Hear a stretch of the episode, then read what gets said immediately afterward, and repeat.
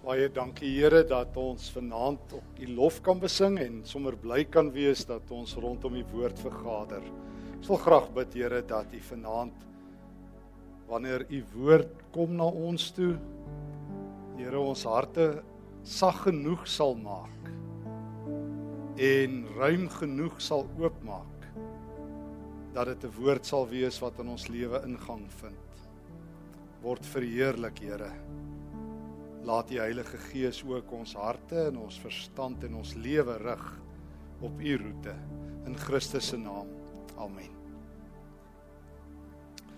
Ek het ehm um, nogal lank gedink ook nou terwyl ons staan en sing of ek soos wat ehm um, die leiers ook vir my gesê het om weer vir oggend se diens wat ek daar by die Hippolaan gepreek het te herhaal, maar ek het vroeër in die week ook 'n ander tema voorberei en kom ons bly by die by die ander tema. Ek wil graag vanaand saam met jou stil staan by iets wat ek jare gelede geleer het.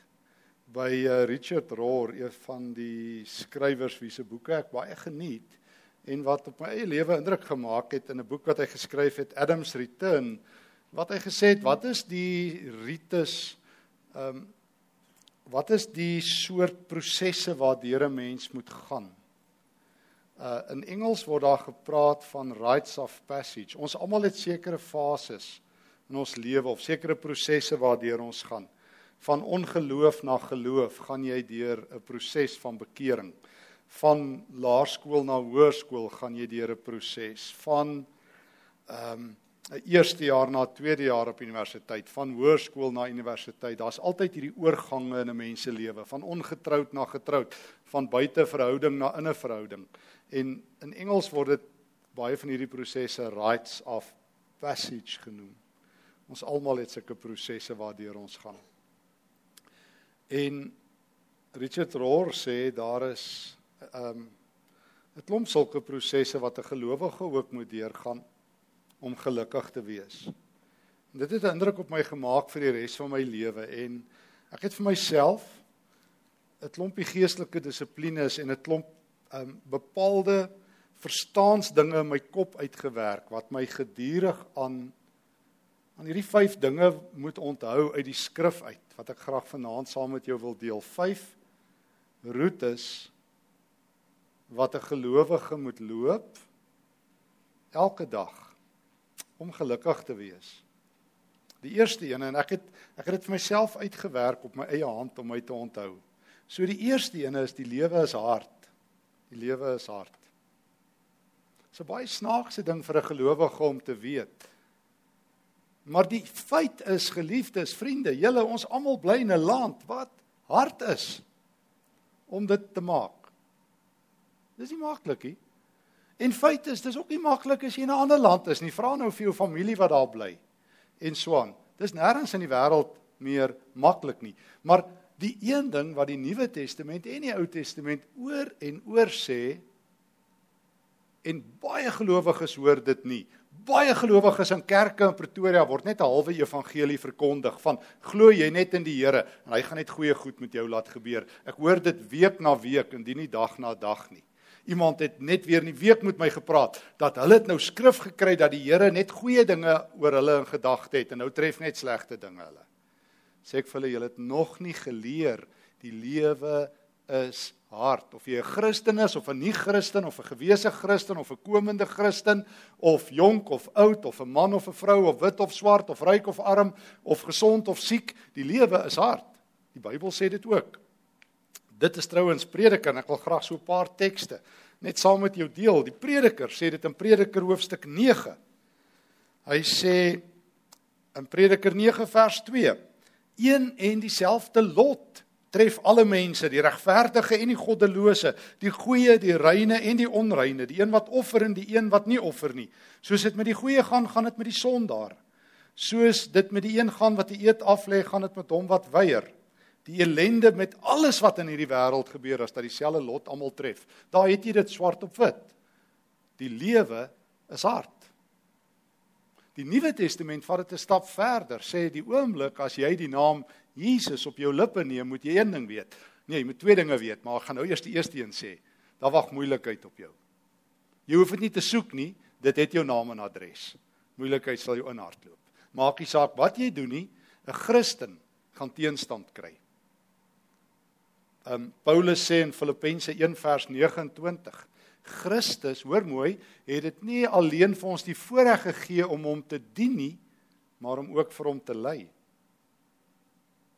Petrus skryf in die eerste Petrusbrief elke hoofstuk van al 5 hoofstukke oor hoe moeilik dit is om 'n Christen te wees. Hoeveel teenstand jy gaan kry. Hy draai nie doekies om nie. Dis nie die Here se klein druk nie.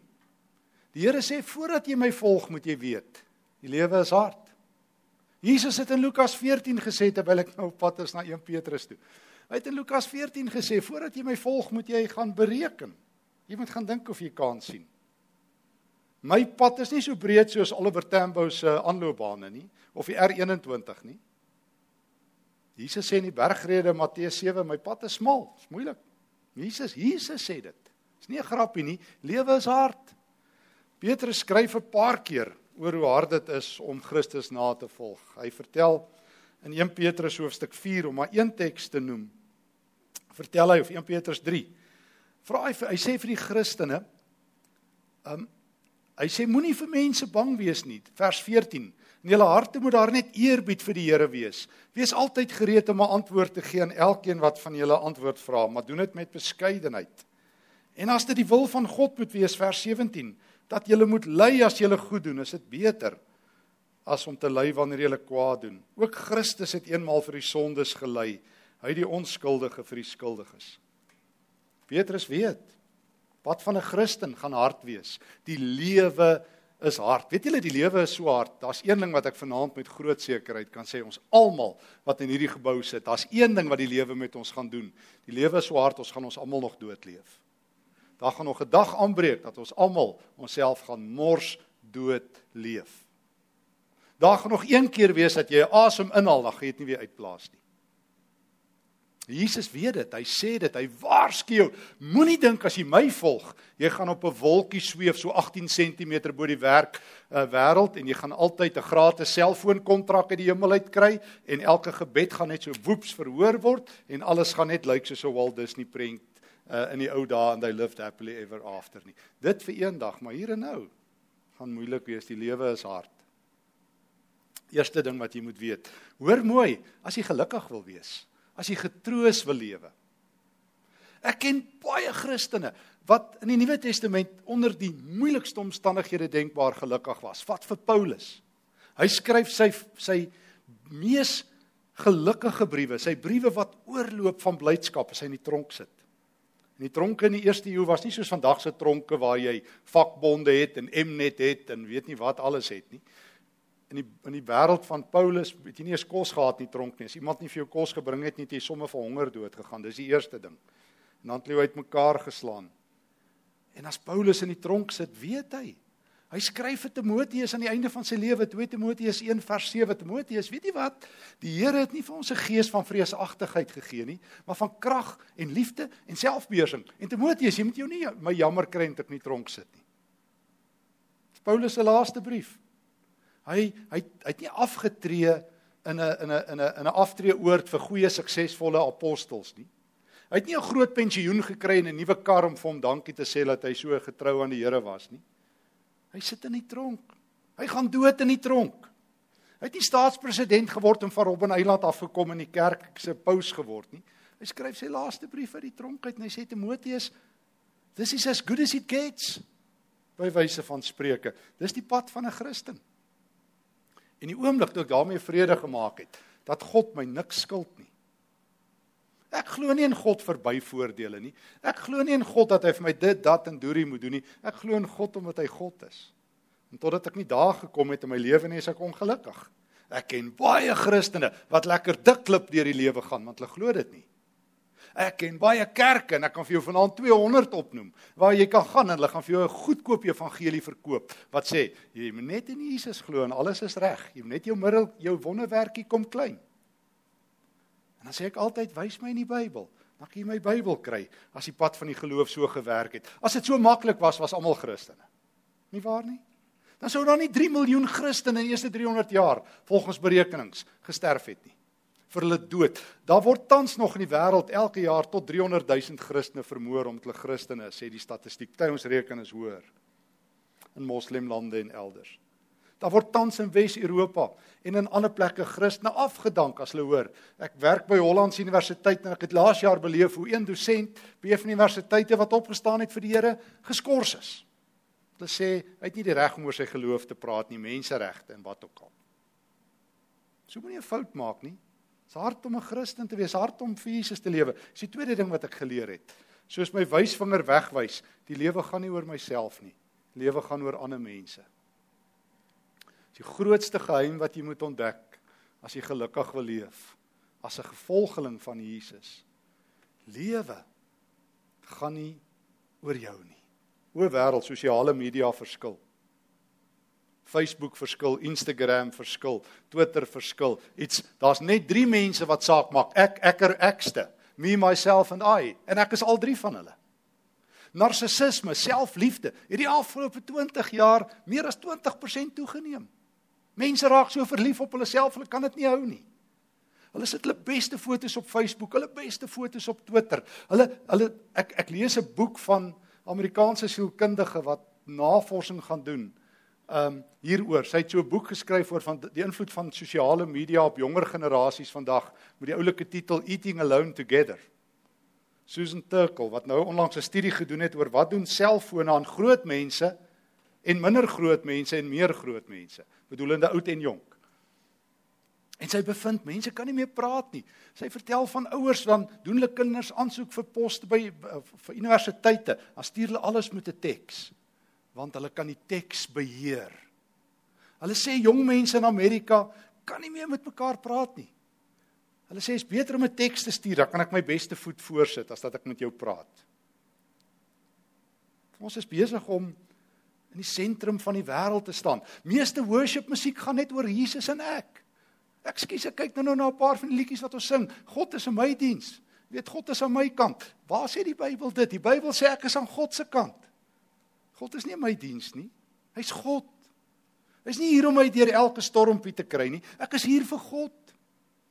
En as ek nie leer, die lewe gaan nie oor my nie. Die lewe gaan oor God.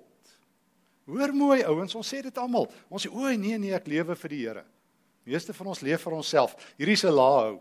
Maar as jy op Facebook is en ek weet die jonger mense is nie meer nie, maar hierdie is 'n killer vraag. As jy op Facebook is, na wiese foto's kyk jy altyd eers as daar 'n foto geplaas word? Jou eie. Nie waar nie. Jy sit jou beste foto's op. En en as mense hulle foto's update, dis altyd hulle beste. Ek het vertel nou die dag erns sê 'n vriend van my, by 'n plek. Joh, mos 'n lelike foto van hom daai. Ek sê hy lyk nog steeds so. feit is feit is vriende, ons is ons mag nie toelaat dat die wêreld ons uitverkoop aan hierdie ding van die lewe gaan oor my nie. Want Jesus se lewe het nie oor homself gegaan nie. Jesus se lewe het nie oor homself gaan nie. Ons Here ons Here, die Here wat sy lewe vir ons gegee het. Romeine 2 Korintiërs 8 vers 9 sê Paulus Christus wat ryk was, wat alle mag in die hemel en op die aarde het, het arm geword, het sy lewe weggegee sodat jy en ek kan ryk wees. Jesus, ons Here sê in Markus 10 vers 45, ek, die seun van die mens, het nie gekom om gedien te word nie, maar om te dien Johannes 13 staan Jesus, hy's op pad kruis toe. Sy donderdag aand voor hy vermoor word aan die kruis. Hy sien die kruis net daar. Wat doen hy? Sy sê disippels sien nader kom, hulle laaste ete. Gaan hy op sy knieë en hy was hulle voete. Dan sê hy vir hulle as ek wat julle Here en julle leermeester is, julle voete was. Wat moet julle nie vir mekaar doen nie? Jesus se lewe het nie oor homself gegaan nie, hy het sy lewe vir ander mense afgelê. Jesus sê in Johannes 15 daar jy het geen groter liefde nie as dat jy jou lewe vir jou vriende aflê. En daarom skryf Paulus in Kolossense 3 vers 17 wat ons ook al doen in woord of in daad doen dit in die naam van die Here Jesus en in Kolossense 3 vers 23 wat julle ook al doen doen dit van harte vir die Here en nie vir mense nie. So jy moet ergens in jou lewe 'n keuse maak vir wie leef jy? Ons het nou-nou vir mekaar gesê ehm um, dat ehm um, die een ding wat ons van die lewe weet is dat dit hard is en dat ons almal hier sal uitgaan. Jesus weet dit ook en hy sê in Matteus 10, hy sê jy sal 'n keuse moet maak. vir wie jy wil bang wees. Of vir God of vir mense. Jy kan nie vir albei bang wees nie. As jy lewe vir die Here gee, dan tel hy altyd die meeste. So die lewe gaan nie oor myself nie. My lewe, die lewe is hard, maar tweedens leer ek soos my vinger wegwys, my my wysvinger wys na Christus. Gaan my lewe nie oor myself nie. Ek het 'n derde ding gewees, my langste vinger. My langste vinger. Um wil ek amper sê ek is nie belangrik nie. Ek is nie so lank soos my langste vinger nie. Ek is nie belangrik nie. Ek is nie belangrik nie.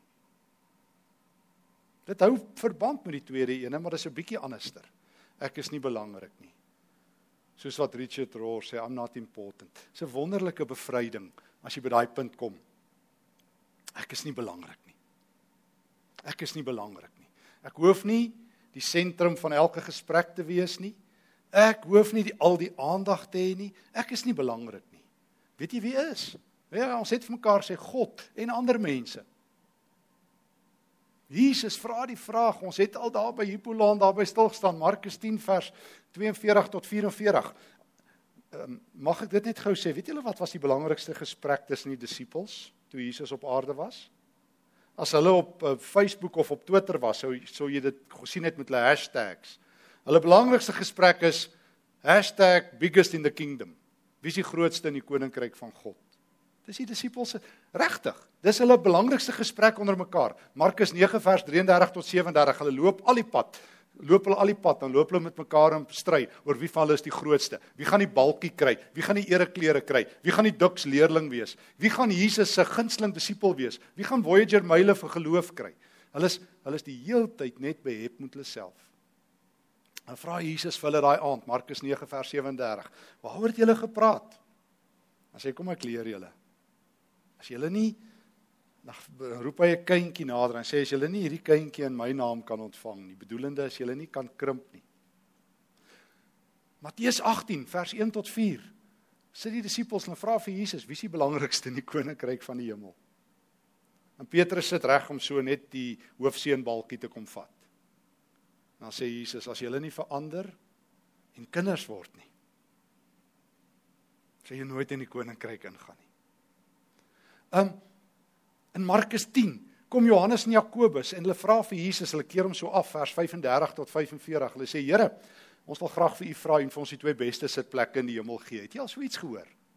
Dis die disippels, hoor mooi, dis die ouens wat fisies saam met Jesus loop. Hulle vra vir Jesus, "Geef ons die twee beste sitplekke in die hemel." Sê Jesus, julle weet nie wat julle vra nie. Sê nee, ons weet baie goed. Ons sal die twee beste sitplekke hê. Hoe ingewikkeld is dit? Die twee beste, skuif Petrus en Moses en Elia en Samson, hulle almal so twee rye terug. Ons wil die golden circle hê. Ons wil langs hier sit.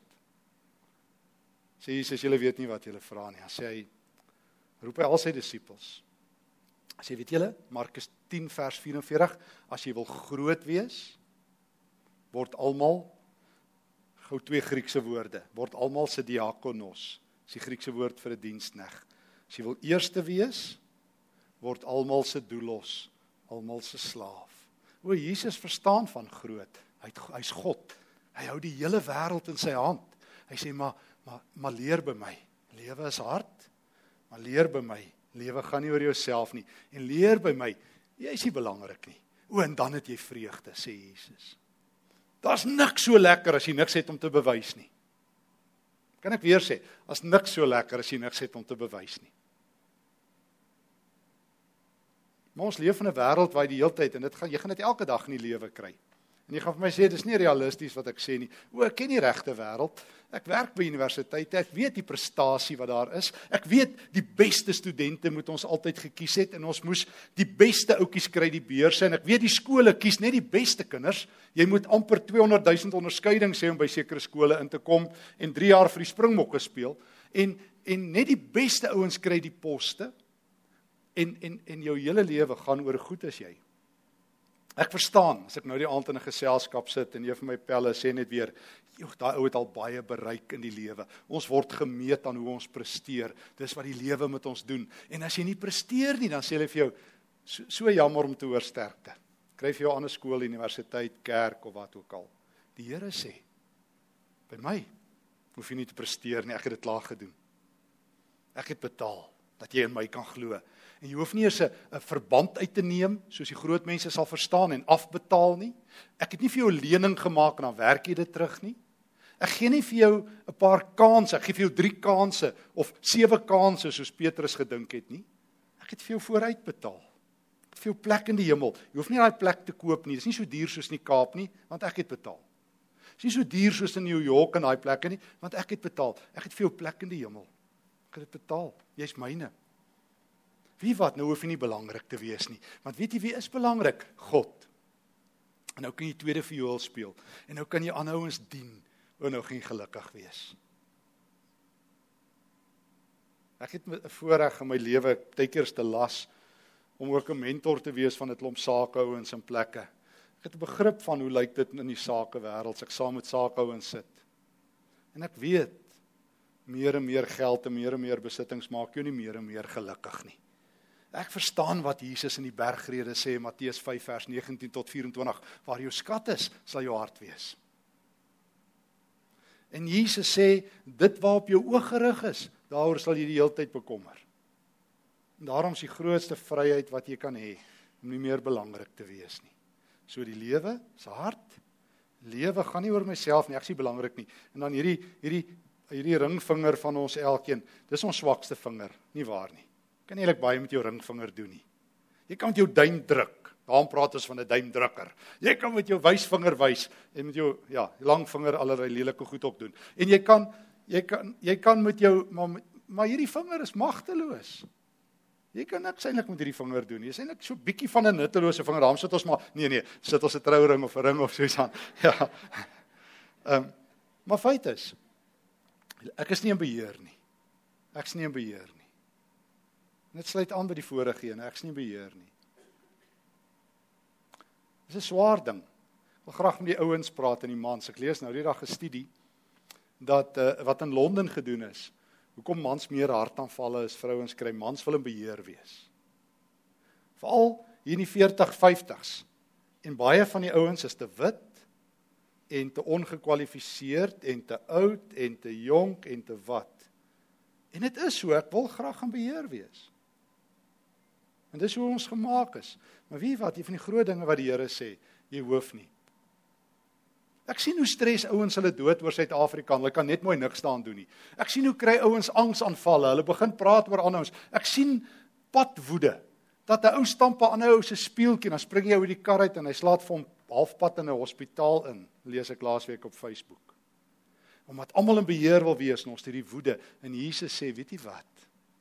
Jy hoef nie in beheer te wees nie maar jy ken iemand wat is, sy naam is die Here. Los dit vir hom. Jy hoef nie Suid-Afrika op te los nie, want raai wat jy gaan nie. Jy hoef nie die wêreld op te los nie, want nie as Donald Trump kan nie. So los dit. Jy hoef nie die wêreld op jou skouers te dra nie. Nee, dit beteken nie jy leef lies affair, laat maar gebeur wat gebeur nie. Jy doen wat jy moet doen. Eh, Psalm 37 vers 3 en 4 en 5 sê Dawid, moet jou kop nie breek oor die skelms en die skurke nie. Vind jou vreugde in die Here. Gaan rustig met jou werk voort en los die res. Dis hoe jy hoef te lewe. Nee, jy's nie onverantwoordelik nie. Jy's nie onverantwoordelik nie. Maar ehm um, Jy probeer nie almal en alles beheer nie. Ek sit nou die dag ver van hier af by 'n gemeente saam met 'n klomp ouens en hulle het planne en planne en planne. En toe hulle vir my vra wat moet hulle doen? Toe sê ek ouens, as ek iets mag sê, hou op om alles te beheer. Julle selfs besig om God se dagboek vir hom vol te skryf. Los dit. Vertrou die Here. Sê ja, maar is nie so eenvoudig nie. Ek sê dit is, hoor. dit is presies so eenvoudig. Want God sê partykeer moet jy just soos die Engelse sê let go and let God be God. Los net partykeer 'n klomp goeters. Partykeer. Soos Dawid in Psalm 131. Dawid die koning, né, die groot koning wat reuse laat val het, wat Israel se superkoning was, kom aan die einde van sy lewe leer hy hierdie les, Psalm 131. Dan skryf hy, dan sê hy soos 'n klein seentjie, 'n klein kindjie rus gevind het. Hoor nou, dis die magtige oorlogsman. Soos 'n klein kindjie rus gevind het aan sy moeder se skoot, het ek rus gevind. Maak nie meer my gedagtes moeg oor dinge wat bo my vermoë is nie. Dan sê Israel, wag op die Here. En dan die laaste ene. Lewe is hard. Lewe gaan nie oor myself nie, ek's nie belangrik nie, ek's nie beheer nie. En dis my kortste vingertjie.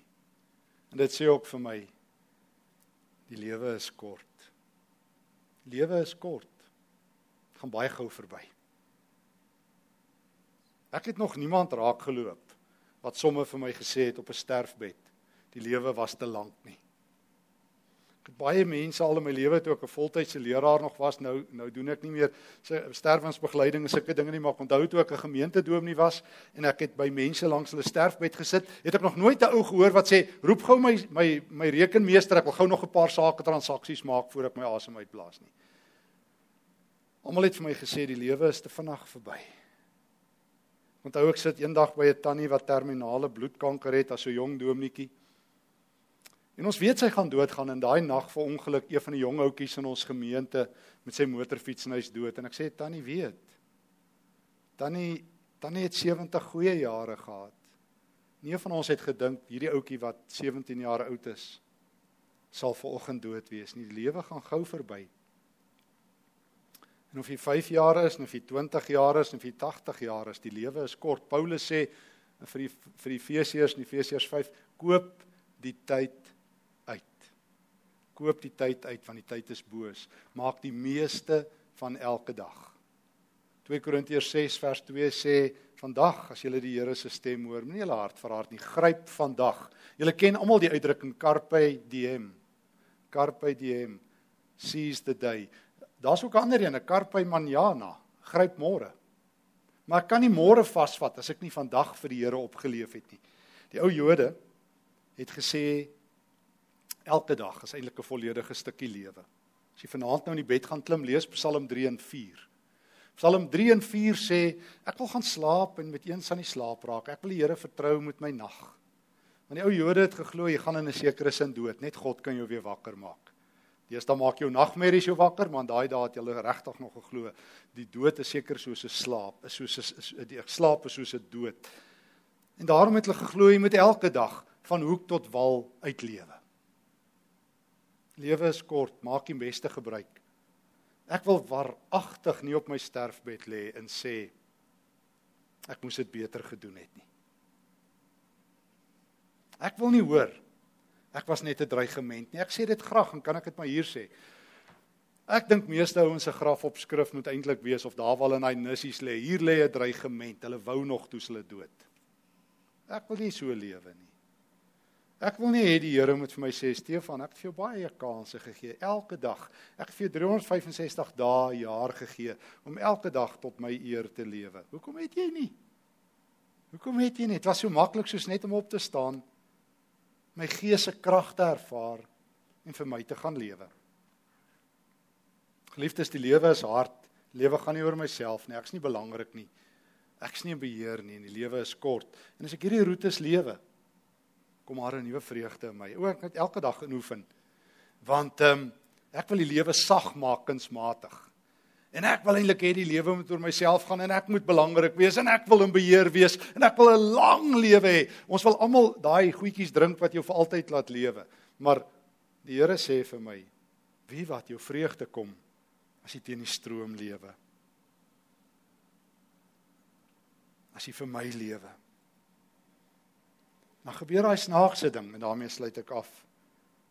Waaroor Paulus in Filippense 4 skrywe. Daai snaakse ding dat as ek laat gaan, if I let go, dat die vrede van God wat alle verstand te bowe gaan oor my gedagtes nie wag hou. En die kuns van die geloof, die mooi van die geloof is wat ek mense vasloop wat laat gaan het.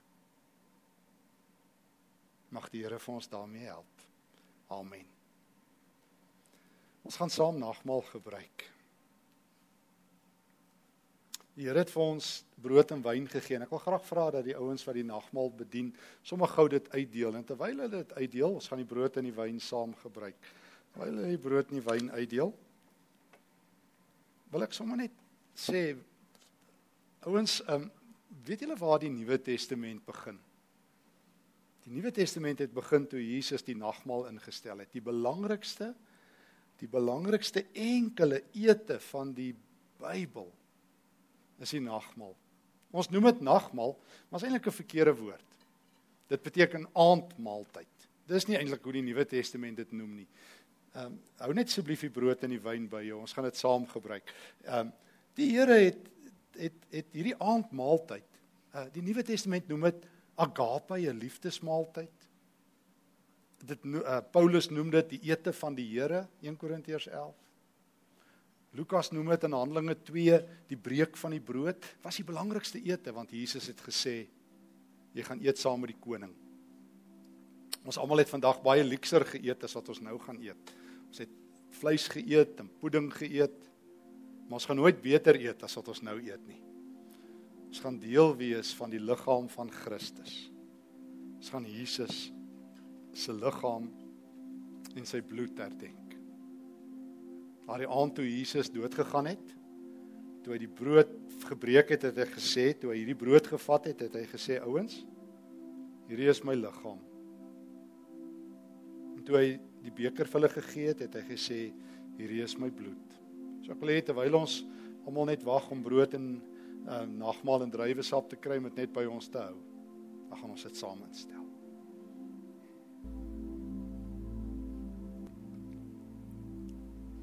Ook het hier